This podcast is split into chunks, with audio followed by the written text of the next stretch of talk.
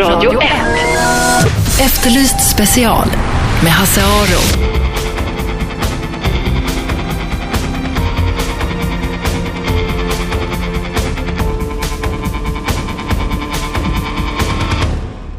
Välkomna hit, Hasse Aro heter jag. Efterlyst special heter programmet. Radio 1 heter kanalen, 101,9 Sveriges nya pratradio. Och vi ska eh, börja det här programmet med att fortsätta där vi var i tv igår. Jag vet inte om ni såg Efterlyst på tv igår, men förra veckan så efterlyste vi en solovårare.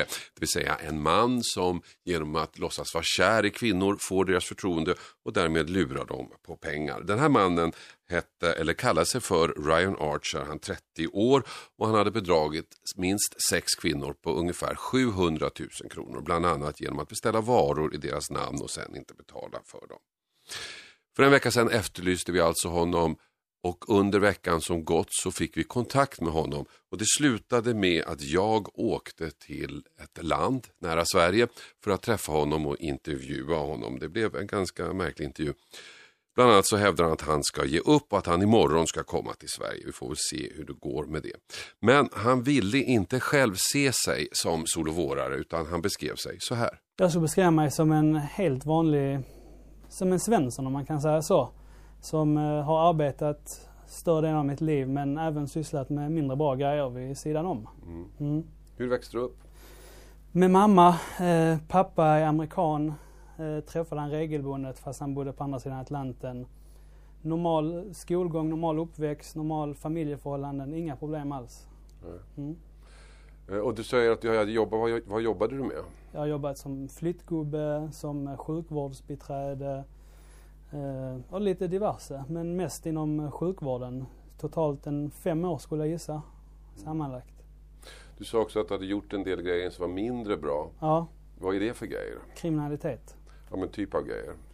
Ekonomiska brott eh, och sen lite annat också. Eh, Några eh, liksom våldsbrott och sånt. Mm. Mm. Det här med solovårandet, att, Mm. att, att, eller ser du dig själv som en solovårare? Alltså nu är jag väl det i och med att jag har gjort vissa av de Mm. grejerna som skrivs. Men det är inte så att jag primärt eh, sysselsätter mig själv med sol och våreri. Utan det var en massa omständigheter och så blev det som det blev. Ja, hur blev det? gånger. Kan du utveckla det?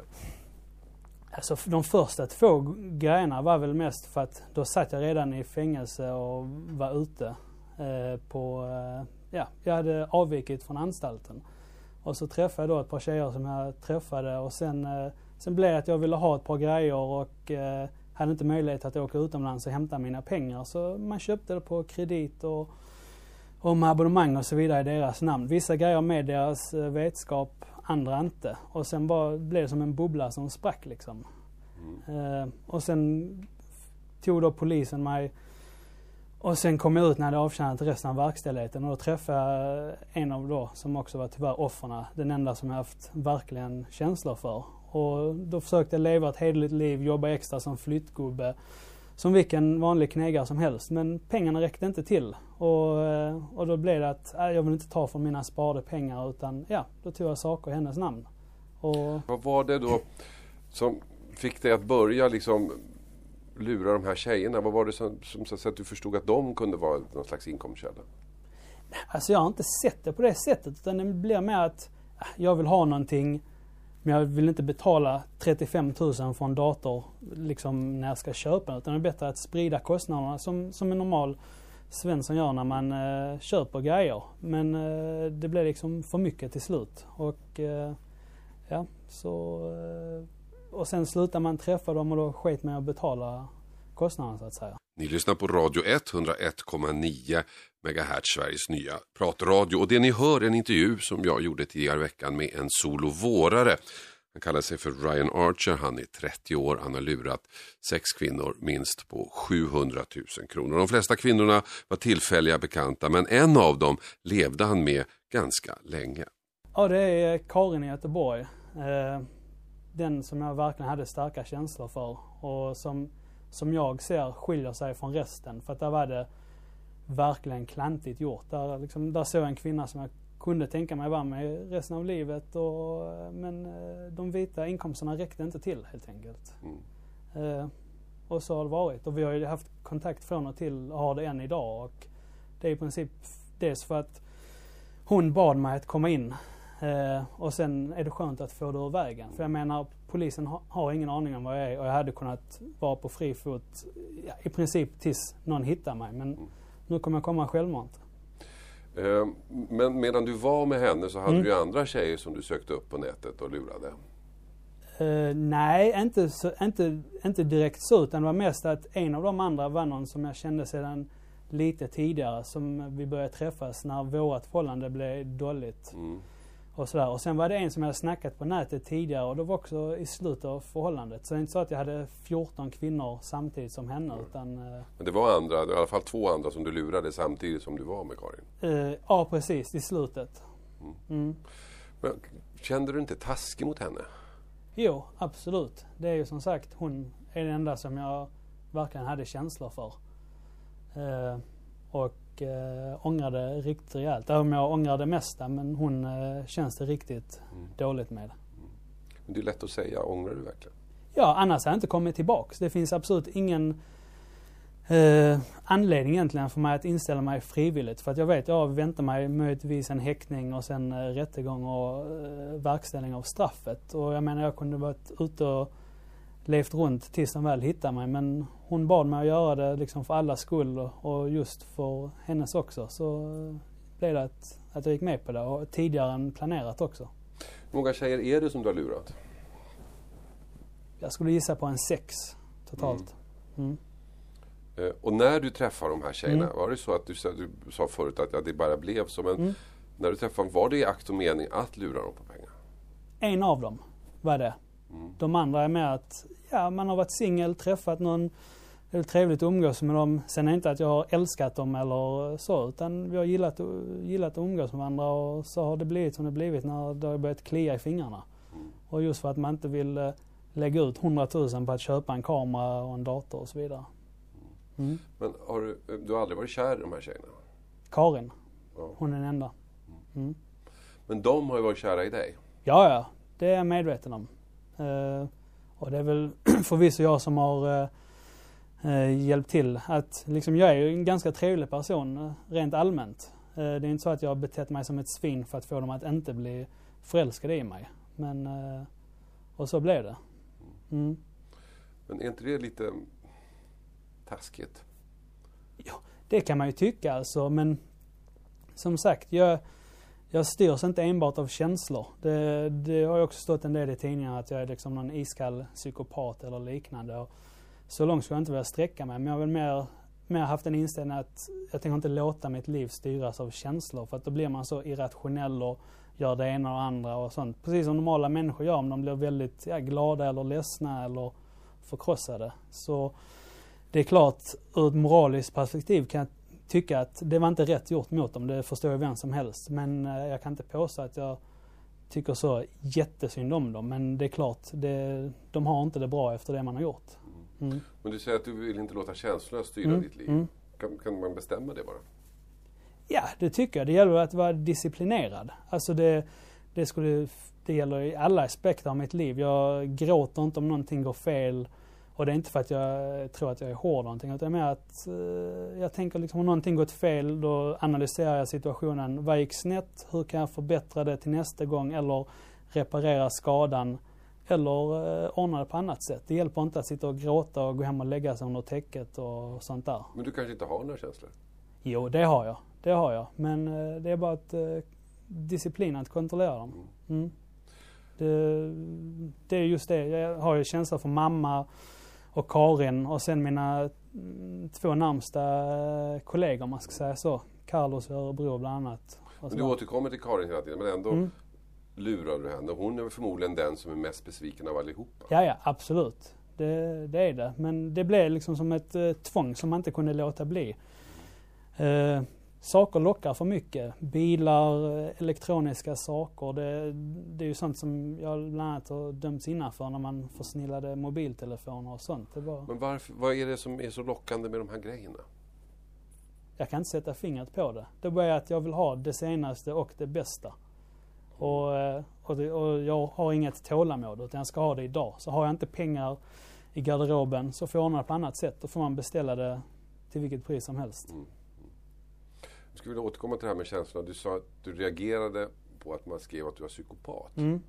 Men är inte det psykopati att man kan stänga av känslorna? Är inte det som är psykopati? Att man inte förmår Alltså jag tror den kliniska definitionen av psykopati är väl att man helt saknar empati, att man inte kan sätta sig in i någon annans känslor och att man inte har några känslor alls. Men det är klart att skulle jag vilja gråta för någonting hemskt som händer, det är klart jag skulle kunna klara av att göra det om jag bara slutar vara disciplinerad. Men i mitt fall är det snarare att jag väljer att inte göra det för att jag anser inte att det gagnar mig över att eh, kontrolleras av känslomässiga utbrott.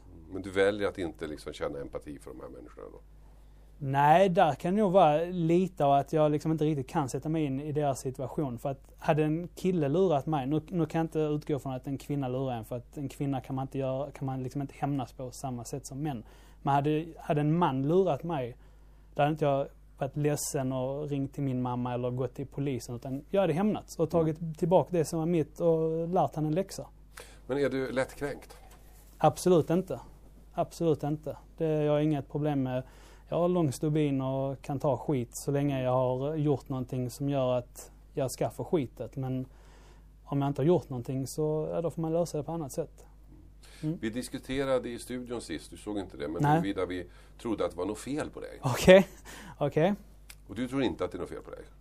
Nej, det tror jag inte. Jag bara eh, tar dåliga beslut och många gånger tänker jag inte på motpartens, vad som drabbar dem. Utan jag tänker väl mer på hur jag ska få tag på det jag ska ha eller hur man ska lösa det på ett snabbt, smidigt Men det är ändå ganska kortsiktigt för du, du, du tar krediter i andras namn Mm. och köper i andras namn. Du fattar ju att förr eller senare så, så Ja, ja, det, det är på det klart. här. Det är klart. liksom ingen superintelligent lösning, det är det nej, nej, absolut. Hade jag analyserat hela situationen före och liksom tänkt hur blir det nu? Så kanske man hade tänkt annorlunda. Men just då när man är inne i det, bara, åh, nu har det kommit en, en ny Sony Vaio-dator för 35 000. Så det är alternativet. Ska man ta från sina sparade medel? Nej, men det är ändå 35 000 som är bra liksom att investera det. Då tar man det på kredit istället och så bara betalar jag av månadsavgiften sen till henne. Det är inte svårare än så. nej. Och sen, förutom det sista att du, du blir inte Nej, pre- precis. Sen blir det att man betalar väl medan man umgås. Sen kanske man slutar att träffas av en annan anledning och då blir det bara att Nej, då har jag ingen empati. Jag bara liksom tänker att äh, jag skiter i det istället. Men inte det samma sak? det vet jag, Jag skiter i det eller jag har ingen empati, är inte det samma sak? Nej, alltså det är inte så att jag medvetet tänker bara att nu ska jag sluta betala bara för att jävlas. Utan jag tänker bara, jag har annat att prioritera med pengarna. Så blir det att man li- liksom trycker undan det i, en byrålåda och låser in det och sen bara går tiden. Men är inte det då fel det då? Jo, det är ju fel, fel att göra så. Sen kanske det inte är så, så smart tänkt, men det är ju inget psykologiskt fel tror jag. Radio 1, 101,9 i Stockholm, Sveriges nya pratradio. Det här är Efterlyst special, jag heter Hasse Aro. Och vi ska fortsätta lyssna på intervjun som jag gjorde i veckan med en solovårare, Ryan Archer, en man som är 30 år och som lurat sex kvinnor på ungefär 700 000 kronor. Själv hävdar han att han inte är någon solovårare, att det här inte var hans huvudsakliga inkomstkälla. Han gjorde egentligen mycket större saker och det här att han lurar kvinnor blev mest av en slump. Vi har träffats, jag har inte flyttat in någonstans eller låtsas eh, att vi ska vara på väg att gifta oss och skaffa barn. Utan vi har träffats och sen eh, har det blivit så. Så om de har blivit kära i mig under tiden, det, det kan inte jag stå för tyvärr. Jag kan inte vara otrevlig med meningen för att folk inte ska bli kära. Men de, att, de, att de är attraherade av dig, det är någon slags medveten satsning från din sida, eller hur? Alltså jag kan ju inte hjälpa hur jag ser ut. Det är inte så att jag går och tränar för deras skull eller eh, klär upp mig för deras skull. Utan eh, de hade ju inte träffat mig från början om det inte var någonting de fann attraktivt. Sen får de stå för vad de tycker. Men, men vad är en solovårare för dig? En solovårare för mig är väl någon som eh, lurar kvinnor som eh, primär inkomstkälla som har specialiserat sig på det. Hade jag velat lura folk och ha det som huvudinkomst så hade jag kunnat eh, träffa tre gånger så mycket kvinnor och gjort samma sak. Men det har jag bevisligen inte gjort. För dig var det en sidoinkomst kan man säga, eller sido... Ja, alltså det var, ingen, det var inte tänkt som en inkomst överhuvudtaget. Utan det var mer att man träffade dem och sen blev det som det blev. Och eh, slutade träffa dem och då stoppar man in hela det i en liten låda och så träffar man någon ny och så vidare. Alltså, jag har ju träffat folk under tiden som jag inte har gjort så med. Så det är inte så att det är någon praxis som jag har med folk man träffar. Du, när du träffar de här tjejerna då, som Mm. du har solovårat, då kallar du dig för Ryan Archer. Mm. Var kommer det ifrån? Det, efternamnet har vi bara slumpvis hittat på, jag och några vänner. Eh, förnamnet är ett av mina smeknamn som jag har. Från kompisar. Och, Och så säger du att du jobbar inom det militära. ja. För att? Det, det var en människa som lärde mig för länge sedan att det bästa sättet att få folk att inte veta saker om dig, det är att ge dem desinformation istället för att bara vara tyst. Och varför det blev militära så var det av ett par olika anledningar. Dels så är det ett yrke som inte många andra känner till, så man kan inte få några frågor som man inte kan svara på. Dels så kan man säga att man är utomlands och tjänstgör ifall man av någon anledning skulle bli häktad eller eh, för liknande saker att man måste åka iväg. Det är ju svårt att till exempel hävda att man är snickare och måste vara borta en månad. Du återkommer hela tiden att ha pengar utomlands. Mm. Var har du fått dem ifrån? Nej, det är också från eh, sidoinkomster. Illegala? Både och. Är det så att du klarar dig på de pengarna? Ja, för att nu i samråd med min advokat har vi då beslutat att jag ska gå i pension. Så nu ska annat göras, inget kriminellt i alla fall. Nej. Mm. Har du så du klarar det? Det har jag absolut. Eh, varför betalar du inte tillbaks till de här tjejerna då? Nej, det, så långt har jag inte reflekterat utan pengarna har varit uppbundna annat bland annat. Och eh, är dessutom eh, utomlands. Det, det är inte så att de ligger på i en skokartong eh, hemma i min lägenhet. Och Men så, vore inte det en schysst grej då när du är klar med allting och ringa runt och fråga hur, hur har du, hur går det? Sitter du risigt till? Ska jag betala en del? Jo, absolut. Men skulle jag säga så nu så skulle ingen ändå tro på det. Det hade bara liksom för att framställa mig som någon god människa. Nej, betala tillbaks verkar inte vara aktuellt. Ni lyssnar på Radio 101,9, Sveriges nya pratradio. Jag heter Hasse Aro och det här är Efterlyst special. Det vi hör är en intervju med en solvårare som jag gjorde tidigare i veckan, 30-åriga Ryan Archer, som lurat sex kvinnor på ungefär 700 000 kronor. För honom är pengar mycket viktigt. Det låter han förstå under intervjun. Det är ju pengarna som har gjort, eh, har drivit mig under alla år som jag har gjort. Oavsett om jag har jobbat med lagliga jobb eller inte. Och nu eh, har vi kommit fram till att eh, de sparade medlen är tillräckliga för att ja, kunna pensionera sig, om man nu får säga så. Men skulle, kan du se ett sånt liv framför dig då? Att inte begå brott. Nå, ja, men att pensionera dig och inte liksom ha saker på gång, projekt på gång. nej men liksom- nej, det, det, nu menar jag inte så. När jag säger pensionera mig, jag menar sluta med kriminella grejer. För att i och med att det har varit bara pengarna som har lockat mig hela tiden. Jag är ingen social eh, utstött människa som inte kan hantera ett jobb. Jag har jobbat samtidigt större delen av mitt liv. Eh, utan det är mer att nu ska det dags att lägga av med brott. Det är ingen mening att syssla med saker som leder till fängelse när jag har ja, sparat ihop ett visst kapital som man nu kan göra annat med. Kan du förstå att människor som ser det här tycker att du, du är jävligt dryg nu? Dryg vet jag inte. Ja, men du har lurat tjejer, de är Mm. ledsna, du har tagit Mm. pengar. Nu har du pengar så du klarar det, nu kommer du hem, ska göra det här straffet och sen Mm. ska du leva livet. Mm. Jo, är inte men det det, provocerande? Nej, varför inte? Jag menar, det är så lagen funkar i vårt land. Alltså, gör jag ett brott så får man ett straff därefter och sen fortsätter allas liv. Jag kan ju inte sitta inspärrad i 15 år bara för att eh, de tycker det, att jag ska komma ut när de har slutat vara ledsna över att de blivit svikna. Eh, och jag kan inte, det är ingen med att jag ska behöva gå på SOS eller ha något eh, skitjobb bara för att, när inte det behövs. Så eh, så är det. Jag menar de flesta människor skulle nog inte tagit pengarna och sluppit fängelse kontra att haft pengarna och få fängelse. Så de tycker väl det är ganska rättvist att jag får fängelse och sen vad man gör efteråt är väl upp till var och en. Vad händer nu den närmaste tiden tror du?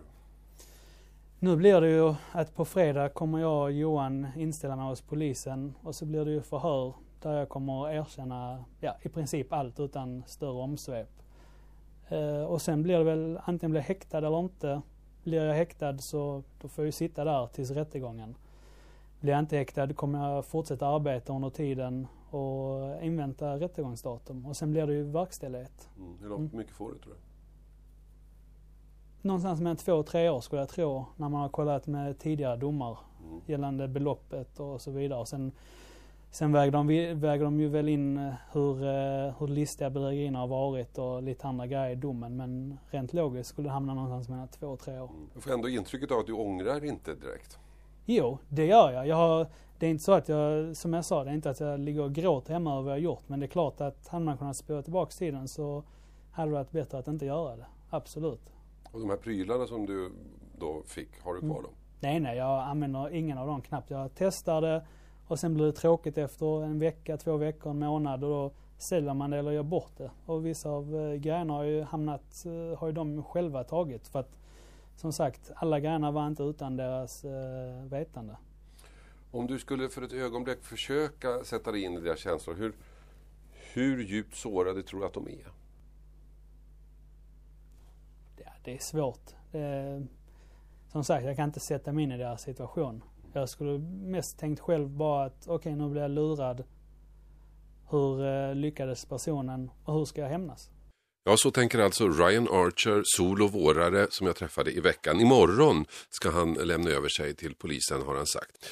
Jag heter Hasse Aro, programmet heter Efterlyst special. Det är ett program där vi rör oss i kriminalitetens breda värld. Allt från rena brott till juridik till annat. Och nu ska vi prata författande. Kriminalförfattande verklig, om verkliga fall och om fiktiva fall. Alla säger till mig att Hasse, du ska ju skriva boken om brotten i Sverige. Och det tycker jag också, det har jag, håller jag faktiskt på med. Och det har jag gjort nu i nu, 20 år snart. Och jag tror jag är uppe i tre meningar eller någonting sånt där. Så det är nog snart klart. Um, hela tiden hinner ju alltid någon annan jävel före och fick, får ut sina böcker innan mig. Men å andra sidan så inträffar det nya brott hela tiden. Så att det finns ju någonting att ösa ur. Och en av de som har hunnit före det är Dag Örlund. Välkommen hit. Tackar. Och du äh, släpper en bok till hösten som rör sig om verkliga fall. Men det här är långt ifrån din första bok. Nej, jag har ju skrivit en rad böcker sedan uh, mitten på 90-talet. Fackböcker, kokböcker, uh, reseskildringar, lite av varje. Mm. Uh, och sen blev det deckare författande i mitten på 2000-talet. Just det, du skriver tillsammans med en dansk kollega. Dan Butler, ja just det. Han är idégubbe. Det är jag som skriver men vi okay. ut, utvecklar historierna. Men då gör du det svårare då? Därför att jag läste någon, om det var Andres Lock eller någon krönika som skrev nu i Svenska Dagbladet nyligen att idéer är lätt att ha men att genomföra dem, that's everything. Ja, det är väl den kroniska diskussionen, liksom att, att vad är en god idé värd? För att eh, det är ju den vanligaste frågan jag får från människor, det är ju, eh, jag skulle vilja skriva en bok, vet du någonting jag kan skriva om? Mm. Och då är man ju på fel spår. För att om, om, du inte har en idé eller en historia du vill berätta, mm. då ska du inte skriva. Nej. Det... Hur många böcker har du skrivit? Oj, eh, jag tror att totalt om man räknar med allt jag har varit inblandad i så är det väl ett 30-tal. Ett 30-tal böcker, ja. okej. Okay. Men jag har ju då det motsatta problemet att jag har ju idéer. Jag har ju massor med idéer. Jag, jag, min datormaskin är full med jättebra idéer, fiktiva idéer och verkliga idéer. Men det blir liksom ingenting. Vad gör jag för fel? Disciplin. Disciplin. Jo men det är ju så. Alltså, jag tror att nu, nu säger ju alla författare sina metoder att arbeta på. Eh, och jag ska inte sitta här och, och gapa, för jag är väldigt odisciplinerad själv mm. och hoppar mellan olika jobb fram och tillbaka och så. Mm. Men eh, jag tror att har man det problemet som du har, då gäller det nog att bestämma sig för att varje dag mellan klockan si och så, mm. så, så stänger jag av telefonen, låser in mig och skriver. Mm. Gör du inte det och gör du inte det regelbundet, då blir det inget gjort och då kommer du inte vidare. Hur långt ska man skriva varje dag? Hur, hur länge ska man sitta på en dag? Ja, det är samma sak där. Vissa författare säger ju att de sitter ett visst antal timmar, och en eller två timmar eller vad det är. Andra mm. säger jag ska skriva sex sidor, mm. eller vad det nu är för någonting. Mm. Uh, för min del så är det så att jag låter det bli vad det blir. Jag tror att mitt, mitt världsrekord var 28 sidor, men då satt jag liksom från sju på morgonen till två på natten eller någonting sånt. Mm. Men jag, jag, tycker nog att jag skriver ganska fort. Uh, och får jag ur mig tio sidor på en dag, då är jag väldigt nöjd. Hur, hur lång tid tar det? Ja, det tar ju ganska lång tid. Alltså, säg att jag kör igång vid 11-tiden på förmiddagen och sen jobbar jag en bra bit in på kvällen med lite pauser då. Och sådär. Men det är ett ganska ensamt jobb. Har jag märkt när jag sätter mig ner där och ska sätta igång. En halvtimme senare känner jag mig ensam. Ja, det är ett väldigt asocialt och väldigt ensamt jobb. Det, är, alltså det som är kul är ju att vara ute, som säger, att utveckla idén, göra research. Jag jobbar ju otroligt mycket med research. Mm, du är journalist i botten? Ja, precis. Så det, det ligger ju mig varmt om hjärtat. Va? Men det som du säger, skrivandet är ju en, en eh, otroligt ensam sysselsättning och det är där det gäller att uppbåda den här självdisciplinen hela tiden. Och det är inte alltid det är lätt. Va? För att vissa dagar när du sitter där så flyter det bara, vissa dagar så kommer det ju inte. Och vad ska du göra då? Och sen har du det här problemet som jag vet att många har med mig, de här små små jävlarna på axeln som vi kallar dem. Och de kommer alltid klockrent när du har lagt dig i sängen och precis ska somna. Och då kommer de och levererar en bunt idéer, meningar, ja, uttryck, alltihopa. Och då tänker du så här, okej, okay, fint, det här kommer jag ihåg imorgon bitti mm. och så somnar du och nästa dag är allt borta. Va? Så det är ju bara att lära sig, det är bara att slå fötterna i golvet och gå upp och börja anteckna mm. eller, eller, eh, eller ha ett block på vid sängen. Men det där fenomenet känner jag faktiskt igen, för att även om jag inte fått ur med boken för stort B så har jag trots allt fått ur med lite texter, lite krönikor, lite artiklar och sådana saker. Och precis det där känner jag igen. När man går och lägger sig då kommer en fantastisk formulering. Mm. Och den går inte att komma ihåg till imorgon. Och det kanske är så att vi är för dåliga på att slappna av till vardags. Mm. Så det är ju det vi gör när vi lägger oss, vi spänner ju av. Mm. Och då kommer grejerna poppande. Va? Så, så jag tror att det gäller sig att ta, ta vara på dem, skriv, rafsa ner dem på ett block eller vad som helst så att du kommer ihåg det nästa morgon. Eh, sen har du också den här andra varianten när du har eh, druckit ett par glas vin. Tänkte just komma det. Sprit är väl också en underskattad inspirationskälla? Ja, det är en lysande inspirationskälla. Men då har du nästa problem igen. Att dricker du sprit så blir du trött och då orkar du inte skriva. Eh, sen får du ett antal idéer som inte är lysande utan briljanta. De är i Nobelprisklass allihop. Och så skriver du ner dem och nästa morgon tittar du fullkomligt oförstående på dem och undrar mm. vem har lagt de här på mitt bord? Det kan ju inte vara jag i varje fall. Så det gäller nog att sortera lite där, tror jag. Ni lyssnar alltså på Radio 101,9 i Stockholm. Hasse Aro heter jag, eh, Efterlyst special heter programmet och vi pratar om med Dag Örlund om att skriva, om att skriva deckare eller om att skriva om verkliga brott. Dag har skrivit ett antal deckare och kommer ut med en bok i höst som handlar om verkliga brott. Och just nu diskuterar vi sprit som inspirationskälla. Och i Sverige får man inte säga det, men det vet ju alla att en liten hutt kan faktiskt förlösa eh, kreativiteten. Ja, så har det ju alltid varit. Jag, har ju, eh, jag var ju med i ett författarsällskap där jag pratade med en, en kille som var en av Sveriges mest namnkunniga romanförfattare under 50-talet. Mm. Eh, och han sa att det var ju kroniskt antingen ett glas vin eller en halv tablett amfetamin. Det, det, var ju klockrent innan, innan han började skriva. Vi, nu kommer vi på tunn is här. Jo, men det här är 1950 något. Ja, ja. Och han sa att så var det bara. Eh, så, så jag tror i och för sig inte att, alltså det är ju inget modernt fenomen det här som du säger att någon har kommit på att, Nej, att lite precis. alkohol får hjärnan Men det moderna är väl kanske att förneka att det, att det skulle vara så? Ja, det kanske det är. Antingen det eller att hålla myten vid liv. Alltså det finns ju otroligt mycket myter kring mm. författare. Va? Mm. Och det var ju också någon, jag tror det var Patricia Highsmith som, som på fullt allvar försökte slå i folk att hon, hon skrev alltid med en laddad revolver på skrivbordet. Jaha. Ja, och sådär. Ja. Och det är ju bra, det gäller ju att hålla myten vid liv. Det kanske funkar för henne. Ja, ja. Jan Guillou lär ha sagt, och det här, jag, det här har jag hört, så att om Jan hör det här och det här är lögn så ber jag redan nu om ursäkt. Men han har sagt i alla fall, det vet jag, inspiration är förveklingar. Ja, ja, ja eller för amatörer tror jag. För amatörer kanske, ja, och det var du inne på, att det gäller, sig ner, det gäller att sätta sig ner och börja, börja skriva. Mm. Och så har han också sagt att han alltid tar en sexa sprit innan han börjar skriva. Och det vet jag inte om det är sant, jag har hört det, jag vill tro att det är sant. Mm. Jo, men det är som jag säger, det gäller att hålla myten vid liv. Mm. Det, det, det, är viktigt naturligtvis. Men, men eh, jag tror att om, om vi ska avdramatisera en aning så är det så att till stora delar handlar det ju om eh, hårt, rejält och disciplint arbete. Mm. Det, och ensamt arbete. Ja. En annan författare som jag jobbat nära är ju Leif GW och när jag lärde känna honom så hade han ju skrivit eh, tre deckare redan på, eh, eller thrillers eller vad man ska kalla det. Då, då skrev han på 70-talet. Och sen dess la han ner för att det var så ensamt. Och han sa det är så jävla ensamt. Mm, det är det.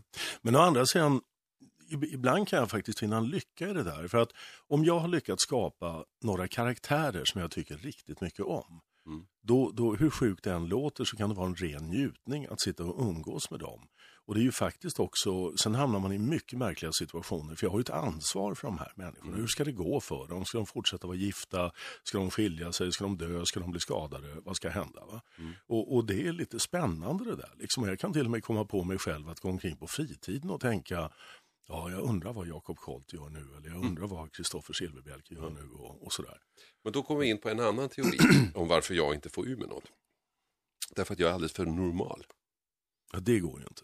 Nej, men jag tror, är, är, måste ni inte vara lite knäppa? Jo, alltså, jo, jo, Dels orka sitta där och dels umgås med de här fiktiva figurerna och dels att det är någonting som ni saknar eller någonting som, som ni har, men mm. någonting som inte är normalt. Nu är jag seriös. Alltså. Ett känslomässigt hål skrev en läsare till mig så sent som igår på ja. mejlen. Eh, jo, men det är väl så, tror jag, att det är som du säger, man kan nog inte vara eh, nu vet jag inte vem som kan definiera normal, men man, nej, man kan nog inte vara normal, utan man måste nog vara lite knäpp. Det tror jag. Och jag tror också det att eh, i allt man skriver finns ju en del av en själv. Det går inte att komma ifrån. Nej. Och sen tror jag också att man har antennerna ute. Som jag, jag har ju en väldigt elak kamrat till exempel och mm. väldigt mycket av hans tänkande har jag ju byggt in i en av mina karaktärer mm. och så. Uh, vi kom i kontakt uh, via din litterära agent, för det har ju alla nu för tiden, eller, eller förläggare och sånt där. Men du är inte sådär superkänd för den stora publiken. Nej. Uh, och då undrar du, hur blir man det? Nej, nej. Ja, det var fråga två. Fråga ett var, kan man leva på att inte vara det? För det sägs ju nu numera att det finns bara plats för tre författare och sen får mm. inga plats. Det är, det är ett väldigt snålt liv. Väldigt snålt. Utan du, du måste ju, eh, antingen så måste du sälja ohyggligt mycket böcker mm. eller också måste du ha andra jobb vid sidan om. Okay. Som jag då har, jag jobbar för tidningar och, okay. och sådär. Mm. Mm. Men det, om man skriver många böcker, man kan inte kompensera genom att skriva många böcker? Jag vet inte, det, det beror ju på då är, då är frågan om kvantiteten påverkar kvaliteten till slut. Va? Alltså jag, jag träffar ju en barnboksförfattare som hon trycker ur sig fyra hästböcker om året. Och de är ju tydligen alldeles lysande i sin genre för att hon säljer ju jättebra. Mm, mm. Uh, och sen finns det ju folk som måste jobba i åtta år för att få ur sig en bok. Men det där med barnböcker har jag funderat på. Då man bara, kan man bara skriva tio sidor. De säljer som 17. De är, de är inte billigare på något sätt. Och, och eh, det kanske är en... Det kanske är en... Ja, hästböcker tycker jag du ska ge dig på. Det är oerhört populärt. Alltså. Jag tror att mina två döttrar som råda rider ska ja, ha synpunkter på det. Det tror jag också. Vi, ni lyssnar på Radio 101,9 Stockholm. Och, eh, Bor ni inte i Stockholm och hör det här ändå, då har ni fattat hur man gör. Då kan ni berätta för grannen att man kan gå in på sin data och gå in på nätet och gå på radio1.se. Där kan man lyssna på det här programmet. Eller så kan man också ladda ner en app till sin uh, intelligenta telefon. Och det gäller, bara iPhone, det gäller både iPhones och de andra. Det finns appar till allihopa. Programmet heter eh, Efterlyst special och vi sitter här och pratar med Dag Örlund, författare som skriver om brott, fiktiva men nu också om verkliga. För du kommer med en bok nu i höst som handlar om verkliga brott. Mm. Brott i Sverige heter den. Brott i Sverige heter den och eh, jag har alltså tittat på 12 brott. 12 mm. svenska brott. Mm. Som har en eh, spridning då både geografiskt och i typ så att mm. säga. Men som har Vad är det som har gjort att du har valt just de här tolv? Det finns rätt många att välja på. Ja, dels så finns det vissa brott som är oerhört kända och som, som man bara inte kan släppa utan känner att man vill gå igenom en gång till. Mm. Men eh, det vanliga är att eh, jag har ett oerhört brett kontaktnät inom polisen och det vanliga är ju alltså att det är poliser som kontaktar mig och säger du, jag var med om en utredning som, som du inte har skrivit. Den här historien måste mm. berättas för att den är lite speciell. Du har, du har för vår räkning här valt ut några brott ur boken. Ja. Gjort en liten lista på brott som upprört dig särskilt mycket. Ja. Börjar, vad börjar vi med? Vi börjar med ett styckmord i Lycksele år 2000. Och, eh, alltså vad de här tre brotten har gemensamt är att det är väldigt unga förövare och det är väldigt unga offer. Eh, och där känner man, när du säger upprörd, så känner jag mer att eh, jag känner en extra tragik i de här fallen. För att det är så fruktansvärt onödiga brott. Och det är egentligen eh, saker som slumpmässigt har slutat mycket värre än de skulle ha gjort. Va? Det, var, det var inte meningen. Det är väldigt svårt att se ett uppsåt här bakom. Utan det är saker som har gått fel. Men som har lett till att unga människor har förstört livet för många andra och för sig själva. Och det är ju mm. tragiskt. Då. Och i Lycksele då, år 2000 så är det alltså en eh, 19-årig kille som blir dumpad av sin flickvän. Och eh, när han då ska tillbringa lördagskvällen ensam så ringer han upp sin före detta flickvän istället. Hon kommer över, de sitter och käkar popcorn, han dricker ett antal öl, hon dricker ingenting, de tittar på film. Eh, sen mår han illa och då bestämmer hon sig för att gå därifrån. När de då ska gå upp för trappan från gillestugan till huset Hall så säger hon någonting. Och vad hon säger vet vi inte än idag. Men det här gör honom fruktansvärt rasande och slutar alltså med att han får ner henne på golvet, försöker våldta henne och stryper henne. Och när han sen vaknar till liv efter en lång minneslucka på en och en halv timme och inser att han har dödat henne, då styckar han henne. Mm. För han är då livrädd för han vet att hans pappa ska komma hem och ja, konsekvenserna och så. Mm. Och i desperation lägger han då vissa kroppsdelar i ryggsäckar som är märkta med sitt eget namn. De tar han på flickans cykel och går ner och kastar i Umeå älv. Där de flyter 150 meter bort till dammluckorna och fastnar. Och sen kommer då polisen och hittar allt det här. Så han åker fast ganska snabbt? Han åker fast väldigt fort, ja. Och det är väl ett skäl till att jag inte riktigt kommer ihåg det här. För att de fall vi tar upp är sådana där, där polisen måste jobba ett tag. Mm. Allting som jag tar upp är, är ju löst och klart så att mm. säga. Och det, det märkliga i den här historien också, det är dels hans minneslucka, för han har alltså erkänt brottet, det har han inga problem med, men, men han kan inte minnas vad det var som gjorde honom så rasande. Vad hon sa där? Alltså. Nej, och det är ju det som blir det onödiga i det här, att varför måste hon dö? Eh, det andra som är unikt i det här fallet är att han har väldigt svårt att prata med polisen, alltså han ber att få skriva och skriver långa skriftliga redogörelser på kollegieblock där han erkänner allting. Så till slut börjar man överväga att för första gången använda hypnos för att se om man kan få fram motivet. Va? För det återstår ju fortfarande att försöka få fram vad var, fanns det ett motiv? Fanns det ett uppsåt? Eller har det till och med varit en olyckshändelse att han har puttat till henne och hon har slagit huvudet i och dött? Eller så för brottsrubriceringens skull. Mm. Men eh, det slutade ju med att han eh, i en rättspsykiatrisk undersökning då blev bedömd som sjuk och, okay. och dömdes till, till vård med särskilda utskrivningsregler. Ett av fallen alltså? Det var ett av fallen. Och sen har du två till? Jag har två fall till och uh, båda är märkligt nog i Skåne och under 2004. Det är mycket i Skåne. Ja, det, första, det är mycket i Skåne. Ja. Det första är i januari och det är ju ett ganska känt fall, dubbelmordet på Hallandsåsen. Just det. Det var alltså två flickor, Emma Karlsson och Linda Jönsson, som eh, för att göra en lång historia kort så hade de träffat några killar i Båstad som de bestämde träff med. Och de här killarna har i sin tur bestämt sig för att de vill ta flickornas bil ifrån dem för att åka en tur. Eh, killarna är berusade och eh, de lurar tjejerna att köra ut på en grusväg vid Hallandsåsen. Killarna säger att de ska gå och kissa i några buskar. De gör det och då gör de upp att nu tar vi bilen går de tillbaka till bilen och uh, utsätter tjejerna för en fruktansvärd misshandel. Tar bilen, kör därifrån och flickorna lämnas att dö på den här isfrusna grusvägen. Fullständigt obegriplig historia. Totalt obegriplig. Och Jag har varit där på platsen, vi var där och filmade och det märkliga var att man står på många olika platser, brottsplatser, men här kände man verkligen uh, att någonting hade hänt. Och precis när vi står där så ändras vädret från vår sol till hagelstorm. Mm. På en, en 30 sekunder, det var som ett Omen. Scary. Ja, verkligen. Väldigt tragisk, fall. tragisk historia och framförallt för de föräldrar och syskon som mm. överlever. De säger det att hatet släpper oss aldrig. Mm. Den ena killen som var inblandad där är från en känd uh, släkt, uh, kriminell släkt. Han har ju sen gjort andra grejer och jag tror att den killen kommer vi få se mer av. Vi kommer att få se mycket mer av både honom och uh, det finns ett par familjemedlemmar till i den släkten mm. som vi kommer att se under lång tid. Ja. Ni lyssnar alltså på Efterlyst special i radio 101,9 eh, Sveriges nya pratradio. Jag pratar med eh, författaren Dag Örlund som berättar om sina, en bok han kommer att ge ut i höst med olika brottsfall och han har valt ett par stycken här som han redogör för, för oss. Och det tredje du har valt, vilket är det? Ja, det är då ett fall som kallades för Vendismordet efter en restaurang som hette Vendis. Och, eh, det här är i Malmö, det är i oktober 2004.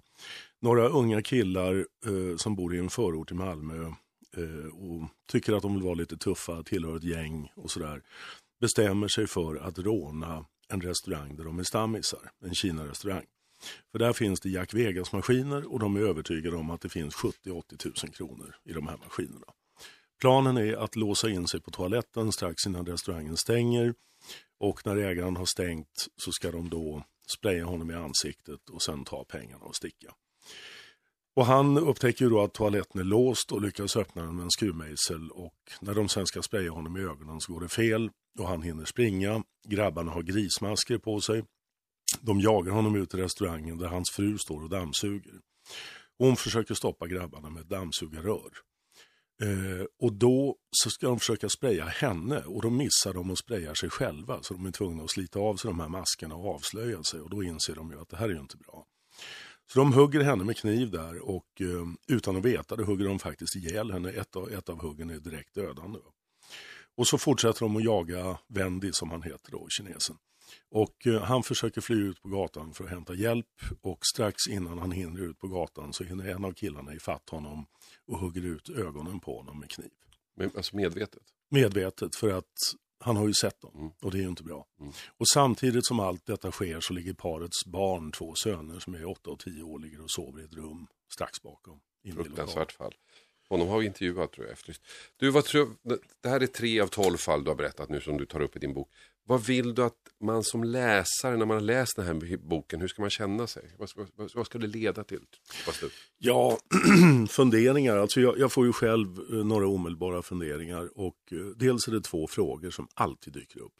Det första är, hur tänkte de? Mm. Och det andra är, varför fanns det ingen plan B? För det finns aldrig en plan B. Utan de tänker ut någonting som de tycker är fullkomligt briljant och så går det åt skogen och då går det åt skogen ordentligt. Mm. Men det andra jag nog tänker, eh, jag har nyligen varit på Kumla också och gjort ett reportage där och gått runt där ett par dagar. Och när man ser eh, både vad de gör och vad det kostar samhället, vad det kostar oskyldiga människor och vad konsekvenserna blir, så blir jag nog allt mer övertygad om att eh, förebyggande arbete bland unga måste vi satsa mm. enormt mycket på. Och då kanske ibland betydligt yngre än vad ja, vi har tänkt oss? absolut. Långt Vi pratar barn? Vi pratar barn och vi pratar framförallt barn som inte har vuxennärvaro tillräckligt.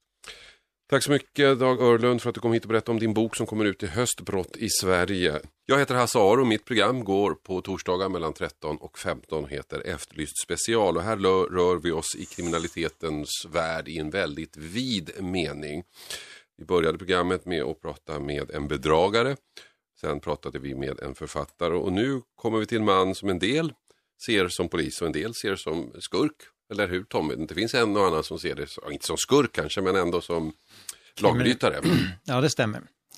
Men det är också ett bra sätt för mig att få kontakt med dem jag vill prata med. Ja. Tommy Lindström, alltså eh, tidigare rikspolischef i Sverige för oss som är gamla nog att komma ihåg det, bland annat under den turbulenta tiden efter mordet på Olof Palme. Därefter privatspanare kan man väl säga kanske och eh, nu också eh, sidekick som det heter på engelska, eller kommentator i tv-programmet Efterlyst. Och Tommy, eh, om vi börjar med det här med din karriär som rikspolischef. Alltså att bli rikspolischef, det är ju stort, det är ju tungt. Det är ja, inget skitjobb. Rikskriminalchef. rikskriminalchef, förlåt. Rikskrimchef, rikskrim.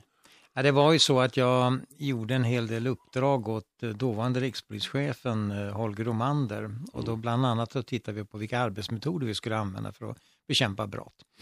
Och sen fick jag också i uppdrag att organisera om Rikskrim, mm. Rikskriminalpolisen som det numera heter. Just. Och det var när jag hade gjort den omorganisationen som jag tyckte att det skulle vara kul att pröva både metodfrågorna och organisationsfrågorna mm. på den enheten och begärde att få bli chef för Rikskriminalpolisen som på den tiden bara var en sektion. Och då var det en del som tyckte att jag var alldeles för formell för att bli chef för ja. den. Men um, de ändrade sig. Ja, det gick några månader sen tyckte man att det var annorlunda. tyckte de tvärtom. ja. Men du, Rikskriminalpolisen, om vi ska bara, vad gör de, Rikskrim? Ja, på den tiden fanns det en gammal regel som regeringen har utfärdat att om det var eh, gränsöverskridande brottslighet, alltså mm. brott över flera länsgränser eller internationella brott så var det här den enheten som var skyldig att jobba mm. med sådana brott. Och det var huvudsakligen kriminalpolisärenden. Mm. Men så är det inte idag, Rikskrim måste inte ta tag Nej, det är tydligen inte så och eh, man får inte heller jobba på det sätt som vi gjorde förr i tiden. För då kunde vi säga att det var ett internationellt eller det var länsgränsöverskridande och då tog vi ärendet för oss själva. Man kan säga att det var det närmaste FBI man kom i Sverige. Ja, det var, tanken var ju den egentligen och det här skapades ju redan 1964 egentligen. Mm. Mm. Och så blev du chef eh, för, för det här. Du var jurist från början. Var det poliskarriär du hade tänkt dig? Nej, inte alls. Jag hade faktiskt tänkt mig att bli någon zoolog, eh, forskningsresande eller någonting ja, sådant. Ja.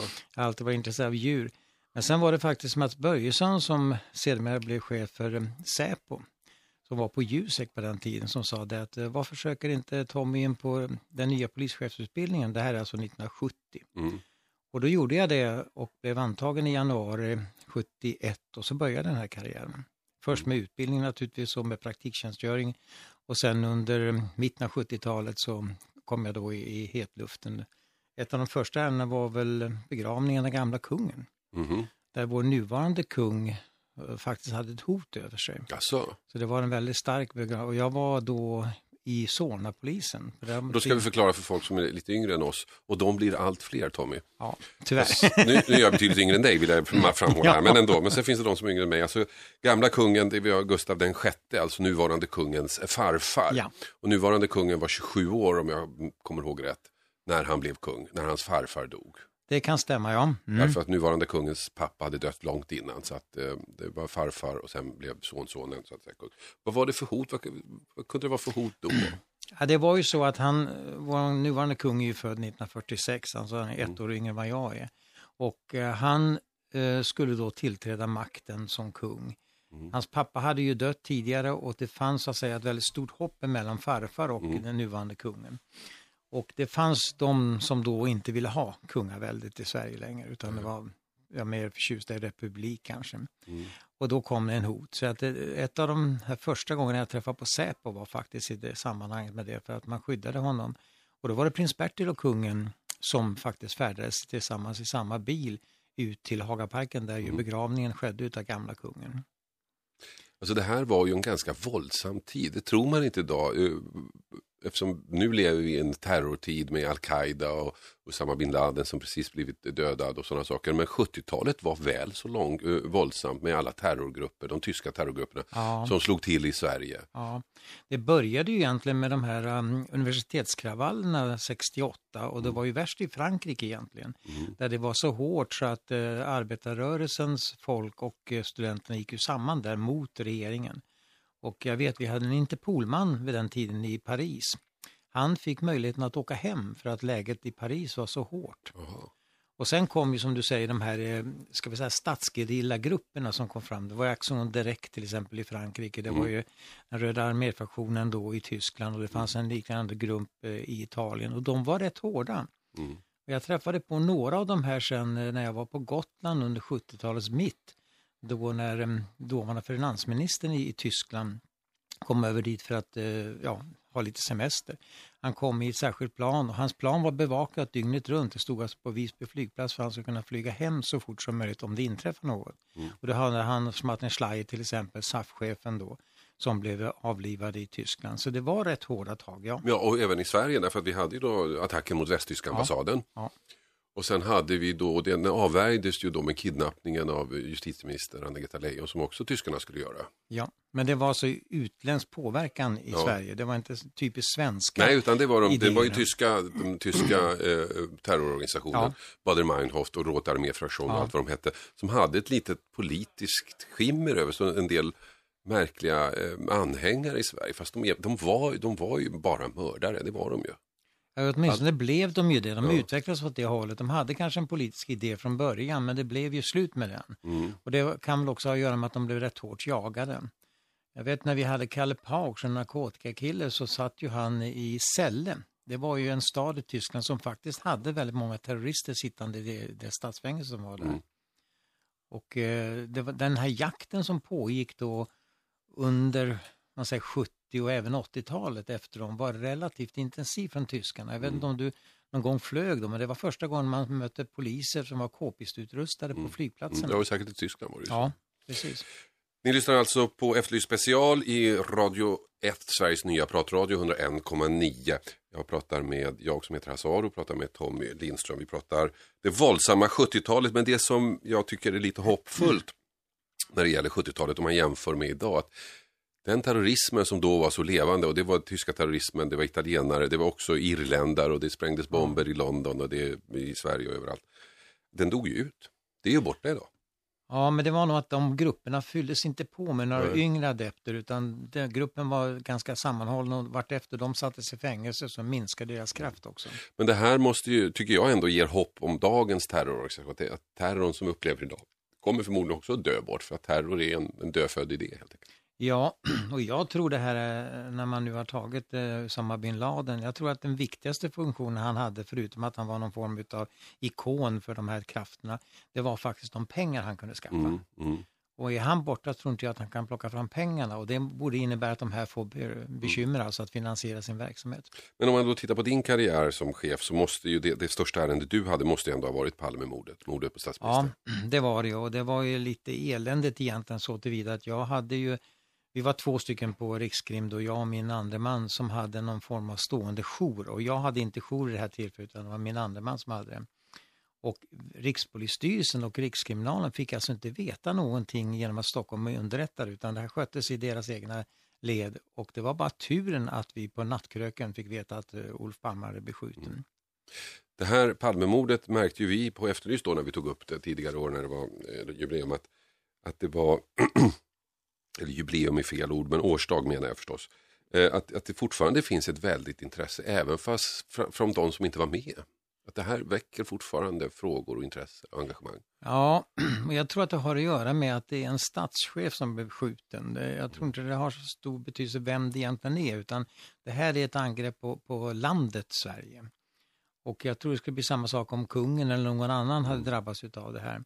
Det som är intressant är att eftersom det inte är löst hundraprocentigt, i vart fall inte mer än polisiärt löst kanske, så är det ju så att man skriver böcker, man debatterar det här, så det här dör liksom aldrig, utan hela tiden står den här frågan, vem var det? Mm. Och därför kan du spekulera i tänkta gärningsmän eller gärningsmannagrupper.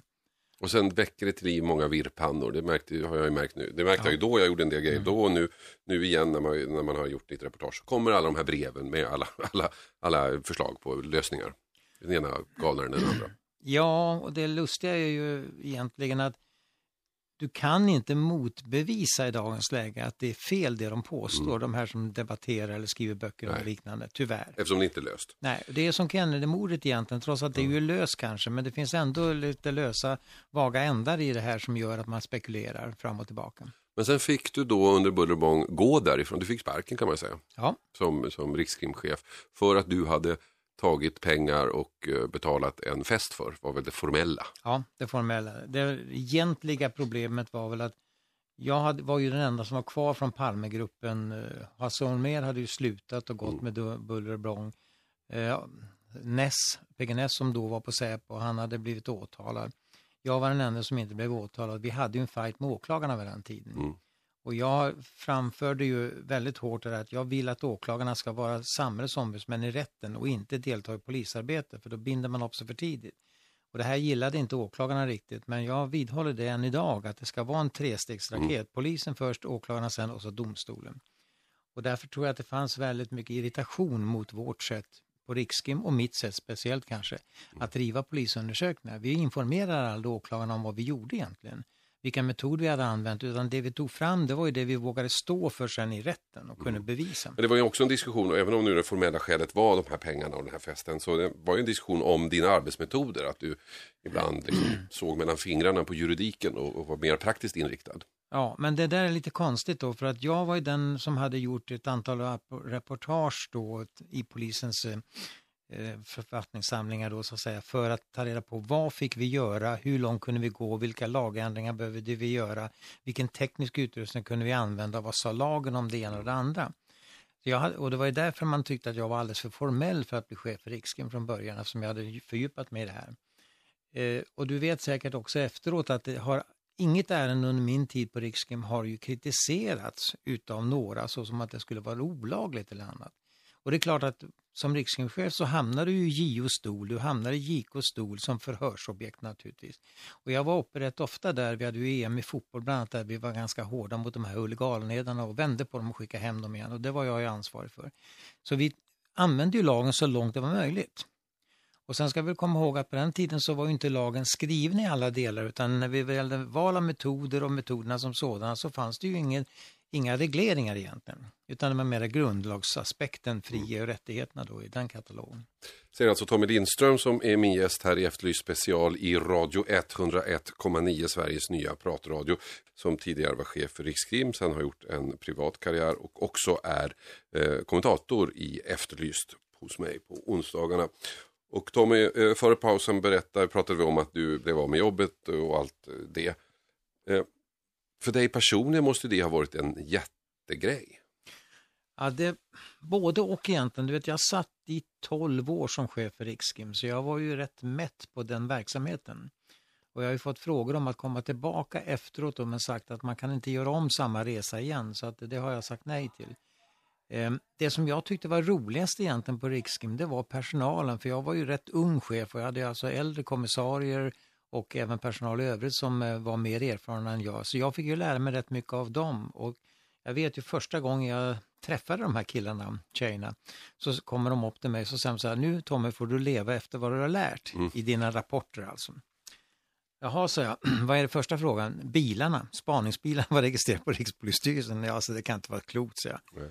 Och då ändrade vi det. Va? Så att jag, jag hade en personal, tror jag, en personalgrupp som eh, var fantastisk egentligen.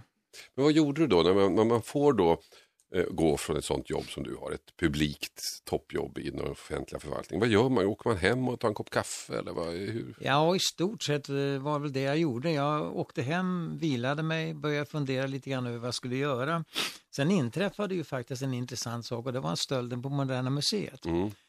Och de här Det var en tavelstöld? Ja, och det var ju tavlor som eh, var väldigt välkända, de var värda ungefär en miljard. Och då ringde man och frågade, vad gör du för någonting nu? Ja, jag höll på med lite utredningsarbete. Ja, men hjälp oss med det här. Och då sa jag, men det måste ni skaffa tillstånd från polisen, så att jag är fortfarande polis, jag kan inte Mm. göra någonting åt det här. Ja, så fick man då, jag tror det var kulturdepartementet som var inblandat. Och så fick jag då hålla på med det och på ett år ungefär när så hade vi hittat de här tavlorna i Göteborg. Men då jobbar du alltså som polis? Ja, jag var fortfarande kvar. Jag var Ja. alltså inte, du vet det här avskedet det kom att eh, förlängas så att säga, tiden för när det upphörde då. Och eh, jag tror det upphörde någonstans, vad kan det ha varit, 80, nej 96, 93, ja 90, 96 tror jag det var ja. Och sen inträffade nästa historia. Men hur som- hittar du dem? Det är intressant. Hur hittar Genom du dem? informatörer, för jag hade ju jobbat vet du, med konststölder under rikskrimstiden, många sådana här. Bland annat eh, Sundborn, alltså Mm. Carl Larsson-gården blev ju av med 43 tavlor. Vi hittade dem via en agenthistoria faktiskt. Det var Mm. den agenten som sen man tjatade om att det var det, hans pengar som jag hade använt, ja. Ja. vilket var fel då. Men den agenten eh, tog jag då kontakt med. Jag tog kontakten med lite andra killar som kunde någonting om den här konsten och till slut så lokaliserade vi det här ner till, Köp- till Göteborg. Då. Mm. Men köpte ni tillbaka dem eller hur gick det till? Nej, vi, vi hittade dem helt enkelt. Vi satte Mm. press på den killen som gömde dem. Jag hade lite kontakter med Clark Olofsson och några andra också som var med i bilden här. Och till slut så gav de upp. Mm. Så det här kostar nästan inga pengar alls att få tillbaka. Och då tänkte du att det här kan ju vara en, en, en ny karriär? Ja, då började jag fundera över om jag då skulle lägga mig i så att säga, privat verksamhet istället och skapa ett bolag eller någonting sådant. Men sen hann jag knappt göra klart det här förrän nästa historia kom och det var när Absolut vodkan blev förfalskad. Mm. Och man vänder sig till mig från en gammal kollega då som hette Lasse Skan som hade suttit som polis i många år i Märsta och nu blivit säkerhetschef på Vin och Sprit. Han frågar då, kan du hjälpa mig att göra en utredning här? Och det här var då 20 procent utan den totala omsättningen av Absolut Vodka, så det var mycket pengar. Jag träffade chefen för Vin och Sprit, jag träffade han som var ansvarig för Absolut och så skrev jag ett avtal. Det var alltså piratkopior man sålde? Alltså Ja. flaskor som såg ut som absolutflaskor och, och med vanlig hembränt i? Och det var fel, alltså fejkade avtal och alltihopa bakom och det var gjort eh, i gamla Sovjetunionen och produktionen skedde i Ungern och Kroatien, Mm. Slovenien. Och jag, vad jag gjorde då i det här sammanhanget var att jag skrev ett avtal och jag sa till då att nu får det vara nog med polissidan och sen så eh, först skapade jag ett handelsbolag och sen ett aktiebolag och sen började jag min karriär och det här är alltså 90, 96 tror jag någon gång på sommaren. Det säger alltså Tommy Lindström som är min gäst här i Efterlyst special på Radio 101,9 i Stockholm. Så, och, och, och det har du sen kunnat försörja dig på, alltså privata uppdrag? Ja. Och eh, det där absolutärendet tog ju lång tid innan vi hittade. Vi hittade alltså glasbruken och det var det vi skulle förstöra. Så vi stoppade produktionen av glasflaskan och då försvinner ju också själva produkten som sådan. Ja, för om man kopierar absolut, absolut vodka så är det ju flaska man kopierar. Ja, vodka är vodka är vodka liksom. Exakt, jag känner ingen skillnad på det. det gör nog inte inte jag heller faktiskt. Det skulle vara kul att göra en blindtest någon gång vodka med, med, med proffs och se. Ja. Ja, det finns ju förstår du sådana som verkligen kan sitta och smaka. Jag hade ju sådana som vi använde oss av för den förfalskade produkten som då kunde säga att detta var inte. Alltså, äkta absolut. Du det? Ja, nere i eh, Nyköping finns det ett laboratorium som håller på med det här. Jag råkade ut för det en gång i Singapore när jag beställde en straight vodka, för jag vet att de har lurat hela tiden där. Ja. Och då hällde han ut en absolut flaska. Det var ju hälften vatten, så det var inte så svårt att, Mm. att liksom avgöra att detta är inte absolut. Det var helt enkelt inte vodka. Ja, det är en hel eh, vetenskap kring det här och även flaskorna. Du vet, flaskorna görs alltså efter ett visst eh, koncept. Så när jag hittar en falsk flaska så, så tog vi ner den här till Växjö. Och så smälter de ner det här och på samma sätt som du gör amfetaminanalyser så gjorde du glasanalys. Jaha, och sen så gick vi ut i världen och letade prover från olika glasbruk som vi trodde kunde vara aktuella som Okej. producenter. Ja. Tog hem som glasbitarna. en slags DNA kan man Ja. säga. Ja. Ett syntetiskt DNA. Ja. Och sen så körde man de där flaskorna i Växjö igen, glasforskningslaboratoriet där nere. Och när de hade kommit så nära som de kunde komma så säger de så här, det här är sannolikt det här. Mm. Då började vi fokusera oss på att det var det här bruket och gjorde besök och, och till slut hittade vi också att det var de som hade gjort de Var fasta låg det flaskorna. någonstans? Det ena låg i Budapest faktiskt. Mm. Och det andra låg på gränsen mellan Kroatien och eh, Slovenien, nej Kroatien och Kroatien och Ungern måste det ha varit, ja. Mm.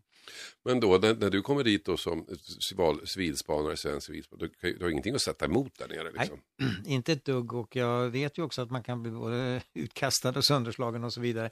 Men det gäller ju då att försöka verka som om du har makt och myndighet mm. när du agerar. Och det lyckas vi med. Enda gången som jag hade problem det var i Tjeckien faktiskt. Jag kunde ta mig in på ett glasbruk och plocka prover. Och där kom ett par stycken bodybuilder-grabbar och menade på det, vad gör du här? Mm. På sitt språk och jag förstod Men viss rätt kan man ju säga, ja, säga att de ja. hävdade. De skulle ju skydda det. ja. Det intressanta var att den killen, han eh, var gift med en kvinna som då satt i EU-kommittén för Tjeckien. Så att, ja. Men vi lyckas ju bevisa då att de producerade falska flaskor. Och det, sen när vi väl har lyckats komma fram dit hen via de här glasen, då har ju de här människorna sagt att okej okay då, vi har gjort det här, men du vet hur det var, det kom hit en människa med en väska, resväska mm. med pengar och sa, kan du producera? Jag står med anläggningen, jag har personal, jag har inga order. Det här är egentligen effekten av att um, muren föll. Får, föll. får de något straff då eller räcker Nej, med att de det var skadestånd, men jag vet att Windows Spik fick ett skadestånd i första hand på 35 miljoner kronor plus advokatkostnaden, så det var rätt bra. Så kan det gå. Berätta alltså Tommy Lindström som är gäst här i eh, Efterlyst special på Radio 101,9 Sveriges nya pratradio. Idag har vi pratat om sol och vår. Vi har pratat om hur man gör för att skriva böcker om brott, verkliga eller påhittade brott. Vi har också pratat med Tommy Lindström som har varit chef för Rikskrim, privatspanare och nu eh, sidekick i Efterlyst. Nu ska vi prata brott och sex, höll jag på att säga, våld och sex. Och då hamnar man gärna på våldtäkter, det finns också sexmord. Niklas Långström är professor och expert på detta. Då undrar man ju, vad är man professor i då? Ja, det är en jättebra fråga. Jag är ju psykiater i botten, alltså beteendevetare med, med särskilt intresse för, för människors så att säga, avvikande fungerande. Och sen har det kommit att bli så, sen ungefär 15 år tillbaka, att jag har intresserat mig för liksom, hur kriminalitet uppkommer och vad man kan göra för att förhindra det. Så att jag är, om man ska vara riktigt exakt, så är jag professor i psykiatrisk epidemiologi, särskilt utvecklingspsykiatri och våld. Men det är okej okay att kalla mig för psykprofessor, det blir enklare så. Det blir enklare så. Och det är just våld och sex, den kombon som du har intresserat dig för? Ja, det har blivit så faktiskt. Och, och det har att göra med att det är sånt som dels berör oss väldigt mycket, eftersom det är de värsta brotten i många mm. fall. Va? Eh, men också att det i alla fall när det gäller sexualitet och för den delen våld också ju finns en glidande skala mellan vad vi så att säga, skulle vilja att människor gör, det är som en slags normativ sexualitet mm. människor emellan, och när det börjar bli en arena för våldsutövande, eh, provokationer, eh, ofredande, jag menar allt, de, alla de här avarterna av sexualitet som, som ni brukar ta upp i ert program i övrigt också. Just det. Vi har ju haft eh, eh en väldigt intensiv våld våldtäktsdiskussion i Sverige den senaste tiden. Eller under ett par år ska jag nog vilja påstå. Nu senast för att det handlar om Assange och var går gränsen för våldtäkt. Men tidigare också för att det har skett väldigt mycket våldtäkter. Vi har haft Örebromannen och innan dess var det Hagamannen mm. som höll på i 15 år. Är det väldigt mycket våldtäkter i Sverige? Ja, det där beror ju alltid, det, det, man riskerar ju alltid hamna i jättelånga diskussioner kring det här.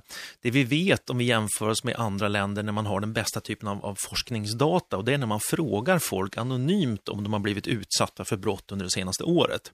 Det gör Brå tillsammans med många andra länder, det kallas nationella trygghetsundersökningar. Och då frågar man helt enkelt människor ett slumpmässigt och ett representativt urval i befolkningen i vilken utsträckning man har blivit utsatt för olika typer av brott. Och då kan man få en bild av hur vanligt det är att man har blivit till exempel sexuellt kränkt eller utsatt för rån eller andra våldsbrott.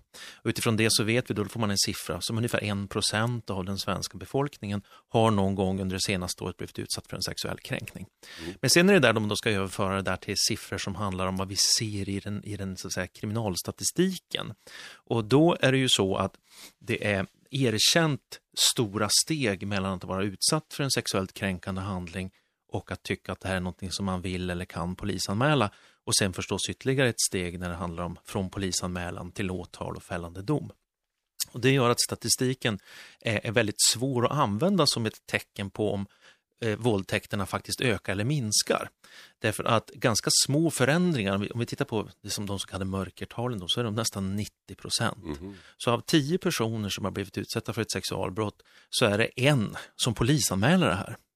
Och det gör ju då att om vår benägenhet att anmäla den här typen av brott förändras ganska lite, till exempel på grund av program som Efterlyst eller att man har en bra diskussion kring de här frågorna, då kommer det att kunna se ut som att jäklar vad det går illa om i Sverige. Om två anmäler istället, då är det 100 Ja, då är det 100 ökning och ja. alla skulle ju slå larm och det skulle vara inslag i alla medier och sånt också. Medan vi fortfarande alltså då får de bästa siffrorna om hur det faktiskt ser ut om vi gör den här typen av kompletterande undersökningar, så kallade offerundersökningar. Mm. Och när man gör då också jämförelser med andra länder som ju också diskuteras, det anförs ju då att Sverige skulle ligga så väldigt högt när det gäller våldtäkter. Och man har då jämfört med länder som har dels annorlunda sätt att definiera våldtäkt och det har också varit en diskussion i Sverige där vi har breddat definitionen av våldtäkt. Men sen är det också så att anmälningsbenägenheten med ganska stor sannolikhet också varierar mellan flera olika länder.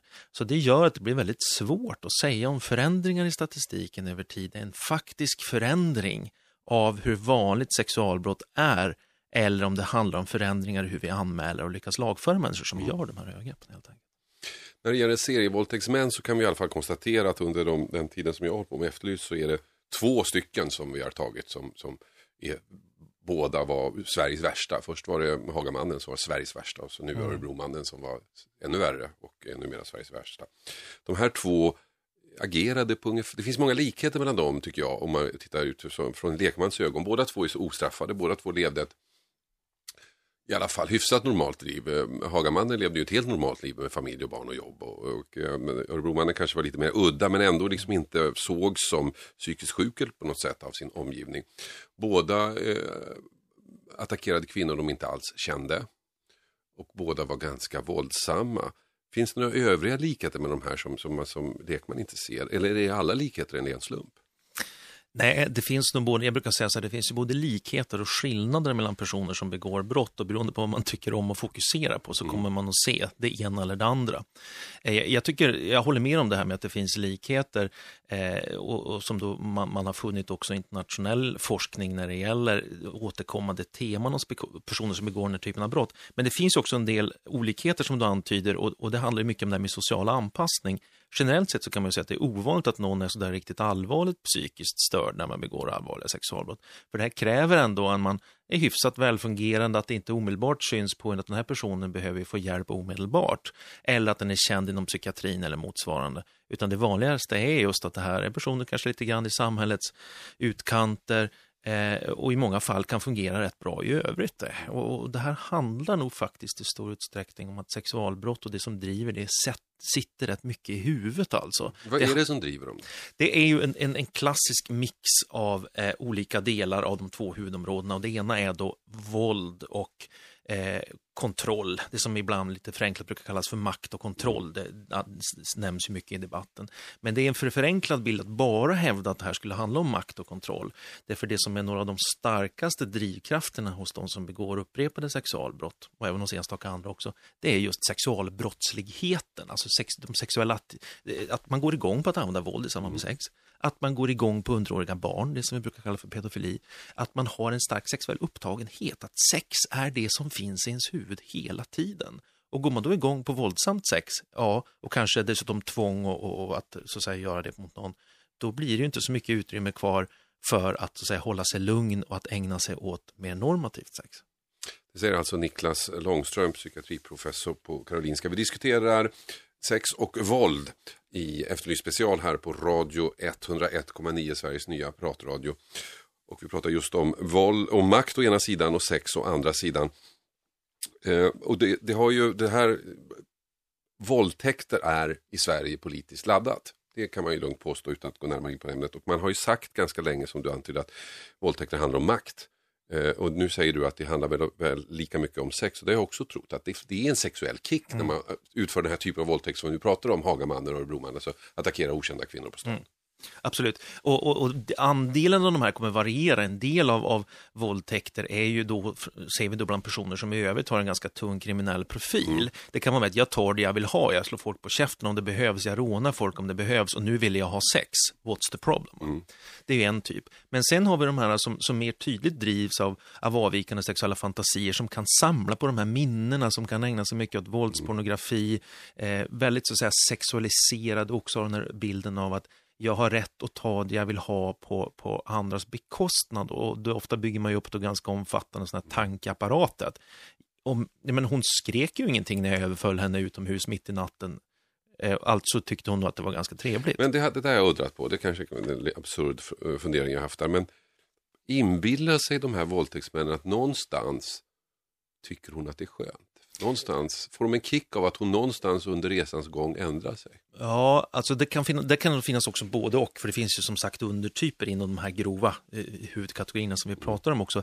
Ja, alltså i, i, det handlar nog om att, skulle man riktigt så att säga ta sig tid och jobba in i det här, och det gör man ju när man, man jobbar med behandling som vi ska återkomma till, men det är ju då att på, vid första anblicken så är det så att, jo men så är det väl, så, så, de, hon tycker väl att det är trevligt om hon nu inte smiter undan och, och inte säger något och inte skriker. För det handlar ju väldigt mycket om att hålla eh, hålla, av, hålla borta från sitt medvetna jag, att man gör en helt oacceptabel handling, att man gör något som är allvarligt kriminellt och betraktas som det lägsta man kan göra i samhället i brottsväg. Hagamannen var ju alltid full, var det hans sätt att komma över tröskeln? Det kan ju ha varit ett aktivt, eh, ett aktivt val så att säga. Ibland så brukar man då framställa det som att ja, men eftersom han hade tagit alkohol så kunde han inte hantera sig själv. Det är ibland en vanlig bortförklaring mm. hos kriminella. Men visst kan det också ha varit ett sätt att faktiskt sätta det i verket så att säga. För det är klart Vända på det, man, man, man tog, ja. tog, sprit för att våga göra det. Absolut, och så kan det definitivt vara när det gäller till exempel så, här, så kallade våldtäktsdroger som har diskuterats, och hypnol och andra. Att man faktiskt tar det i syfte att kunna genomföra sitt brott mm. och inte att det är drogen i sig som gör att man blir våldsam så att säga, utan det är oftast ett samspel förstås med andra faktorer i personen som samverkar med drogerna. Om vi tittar på Hagamannen igen, för att det är ett väldigt intressant exempel. Han höll på i 15 år. Mm. Med ett uppehåll på fem år. Mm. Vad gjorde han under de här fem åren tror du som fick honom att hålla sig i skinnet? Ja, alltså jag, jag tror man kan tänka så här att det mesta tyder på att man begår inte sexualbrott på grund av en enda orsak. Eller å andra sidan lyckas avstå från det på grund av en enda sak. Utan det är ett samspel mellan faktorer som ökar risken till exempel de här sakerna som vi har pratat om nu, våldsbenägenhet, eh, sexuell avvikelse, sexualisering. Och så faktorer som skyddar, det vill säga att man mår ganska bra under vissa perioder, man kanske inte har ett sånt svårt alkoholmissbruk, det kanske funkar i familjen, ja, på olika sätt kan man vara mer stabil. Och det kan då motverka att det här, de här faktorerna som ökar risken leder till att man går över gränsen så att säga. Det kan ju också vara så att man hittar andra vägar att hantera sin avvikande sexualitet. Man kanske tittar mycket på, på porr, eh, våldspornografi, man kanske kan hitta andra former för att uttrycka det här. Man vet ju också när man håller på med profilering och sånt när det gäller brott att man ibland kan ha folk som faktiskt inte är i landet eller sitter på kåken under sådana här perioder. Så det måste man också väga in när man så att säga spanar i, i sådana här fall. Men, men det kan definitivt vara så att man inte man har inte jättehög risk hela tiden, utan den kan definitivt fluktuera över tid och det kan ha varit så med, med Hagamannen. Skulle du kunna se på en person att det här är en potentiell våldtäktsman? Nej, Eh, hade du frågat mig om, det, om jag hade kunnat se det på en person som, som, har an, som, som är benägen att begå andra typer av våldsbrott mot person, så hade jag sagt att kanske man kan säga något om sannolikhet utifrån mm. sådana här tecken på, på liksom eh, subgruppstillhörighet med vissa typer av uttryck och eh, tatueringar och sånt där. Men sexualbrottsförövarna, det syns inte på utsidan. Eh, man brukar säga ibland att man kanske kan se på någon om det är en person som är i riskzon för att begå ett sexualbrott mot barn, men då kanske man bara har sett de som åker dit. Mm. De kan se lite sådär för sig komna ut och lite speciella med, med, med, med lite udda uttryck och personligheter. Men, men det är jättesvårt att se på utsidan och det är också en begränsning av möjlighet att uppmärksamma de här personerna och också att hjälpa dem sen. För att de kan ju i sten hävda, att jag har inga problem med sex, det här är ett misstag alltihop och så vidare. Och, och, det är ganska lätt kanske att tro på dem, för de stämmer inte in på vår stereotyp. Vi vill ju att förövare ska vara på ett visst sätt. Mm. Det har du säkert märkt i ett program tidigare också, att det är så mycket lättare att man till och med när man inte vet vad det handlar om så har man en tendens att tycka, ja men var inte den där boven lite mörkhyad och pratade konstigt eller något sånt där. Va? Vi vet att det finns stereotyper i hur vi så att säga tänker oss att en förövare som vi inte vet så mycket om ser ut. Mm, och det stämmer alltid efteråt. Alltså när man har facit så kan man säga att ja, men det var precis vad jag trodde. Ja, ja absolut. Ja, det är så lätt. Alltså man, man bekräftar sin, sin egen bild av världen i efterhand. Och det, det är nog viktigt att ha med sig att det finns sånt, när det rör sånt som väcker starka känslor, det gör ju brott. Det är inget konstigt. Det är alltså Niklas Långström, professor som vi diskuterar här i Efterlyst special om våld och sex. 101,9 är frekvensen där ni hör Radio 1, Sveriges nya pratradio. Och just nu lyssnar ni på Efterlyst special som går på torsdagar mellan 13 och 15. Vi pratar våld och sex i samband med brott med professor Niklas Långström på Karolinska institutet. Och för pausen pratade vi om några kända fall, bland annat Hagamannen som är en person som fascinerar mig mycket. Också Örebromannen, båda serievåldtäktsmän. Frågan är, kan man bota serievåldtäktsmän? Kan man bota våldtäktsmän? Vi var lite inne på det om man kunde se vem som skulle vara potentiell våldtäktsman. Då har det naturligtvis varit lättare, men det kunde man inte. Så frågan är, kan man bota dem, Niklas? Eh, I allmänhet så verkar det vara svårt kan man säga. Det finns en hel del som tyder på att kan, man kan för de som är motiverade nå behandlingseffekter. Men då ska vi komma ihåg att vi ju lätt tänker, när du säger dom, så tänker vi oss att hela gruppen. Det är, alltså, du hör jag tveka lite grann på det och säga mm. att jag skulle nog vilja säga att det kommer att vara svårt. Och frågan är om risken kommer att kunna bli så låg så att man säkert kan släppa ut den person som det handlar om inom 5, 10, 15 år mm. eller vad det nu kan handla om beroende på hur lång tid man sitter, antingen i rättspsykiatrisk vård eller i, i, på, på långa fängelsestraff. Men vi har ju ändå program för våldtäktsmän på, på anstalten. Jag menar att de inte funkar? Det är riktigt. Eh, ROS-programmet till exempel, relationer och samlevnad som man använder mm. inom kriminalvården sedan en eh, åtta, nio år tillbaka och som vi har varit med och utvärderat, för jag jobbar också halvtid med, med, med, med att utvärdera kriminalvårdens insatser för olika grupper av, av, av, intagna och se om man faktiskt kan få ut dem i bättre skick. De sitter ju på kåken, det har ju mm. samhället bestämt, så att då är tanken liksom, kan vi påverka dem i de här faktorerna som driver deras kriminalitet så att de har lägre risk att återfalla när de kommer ut i nya brott. Och då ser det ju alltså försiktigt positivt ut har vi sagt alltså. Eh, och det innebär alltså att det pekar åt rätt håll. Men då är det så här att återfallen i sexualbrott i genomsnitt, de är så pass låga. Så att vi, ja, de är så pass låga, så man brukar säga att ungefär, vi har svenska data på det också, att ungefär 10% av alla som har begått ett sexualbrott har efter 10 års uppföljningstid lagförts för ett nytt sexualbrott. För det är annars myten att en gång våldtäktsman, alltid våldtäktsman. Så fort finns, man släpper ut dem Det finns en stark sån bild och det tror jag också styr bilden av hur man tycker det ska vara. Va? Man blir väldigt rädd för det här. Man tänker att den här personen kommer alltid att ta en jättehög risk och måste vara inlåst och påpassad och alla de här försöken som man gör i många många andra länder och som mm. man diskuterar om vi ska införa i Sverige också, så finns det en bild av. Och det, jag tror att det är en viktig grund att ha med sig att det, det, är en ganska liten andel som återfaller i brott och vi kan med viss precision säga vilka de är, för då använder mm. vi sådana här riskbedömningsinstrument. Och vilka är de då, om du ska förenkla det? Eh, det handlar ju dels förstås om hur många gånger man har gjort det. Mm. Man har gjort det många gånger så ökar risken. Det handlar om eh, ens hur mycket sådana här tankemässiga förvrängningar som man har. Tycker mm. man egentligen att det här är okej? Okay? Eh, har man ett rejält missbruk, inte konstigt heller. Eh, har man en sexuell avvikelse, har du en, en rejäl pedofili, det vill säga att du bara tänder på, på barn i en viss åldersgrupp och inte mm. har eller haft sex med, med eh, något intresse av att ha sex med vuxna, då är det här faktorer som samtliga då bidrar till att öka risken. Mm. Och, då, och då är det så att vi kan, vi kan som sagt hitta med viss precision de här personerna och förhoppningsvis då göra insatser som kan minska de här riskfaktorerna. Men effekten är måttlig för det första och det andra är att efter så pass, eftersom så pass få återfaller enligt den både internationella och svenska forskning som vi har, så blir det ganska oprecist. Mm. Det, det, blir så en osäkerhetsmarginal kring de här måtten och det gör att vi inte säkert kan säga att det här, är, det här är inte statistiskt säkerställt som man brukar säga. Men det pekar åt rätt håll. Så om jag får komma tillbaka hit om två år, mm. Då kanske vi säkert kan säga att oh, men det verkar som att det faktiskt fungerar. Funkar kastrering? Kemisk kastration som man brukar prata om, eller kirurgisk kastrering som ju var det som man började med mm. för många år sedan, den, den känns ju intuitivt tilltalande när man tänker på de mest allvarliga sexualbrotten. Men det är också lite grann en förenkling, därför att å ena sidan så tänker man ju då att att sexualbrott bara drivs av, av så att säga, sexualitet. Och det mm. finns en sån komponent helt klart. Men Eh, att man då man tog bort sexualiteten, vilket man inte ens gör egentligen ens om man, om man så att säga genomför en, en ordentlig kemisk kastration, för det är många som kan ha kvar både lust och, eh, och förmåga till erektion och motsvarande i det.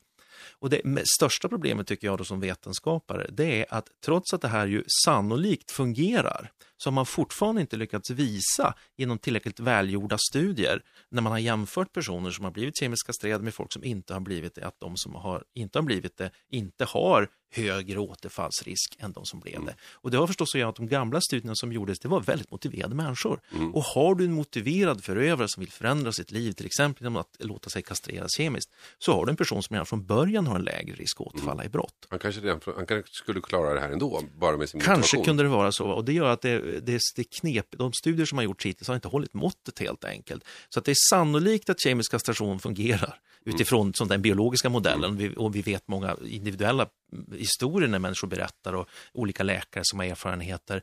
Men forskningens forskningsdata håller inte för att säga det säkert. Det säger alltså Niklas Långström, professor på Karolinska institutet. Vi diskuterar våld och sex här i Efterlyst special i Radio 1, Sveriges nya pratradio 101,9.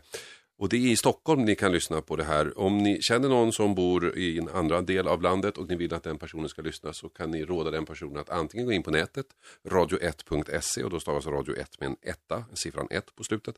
Eller ladda ner en app till någon av sina intelligenta telefoner kan man lyssna därigenom också. Och vi pratar alltså våld och sex, våldtäkter och kastration. Förekommer det att folk vill bli kastrerade i Sverige?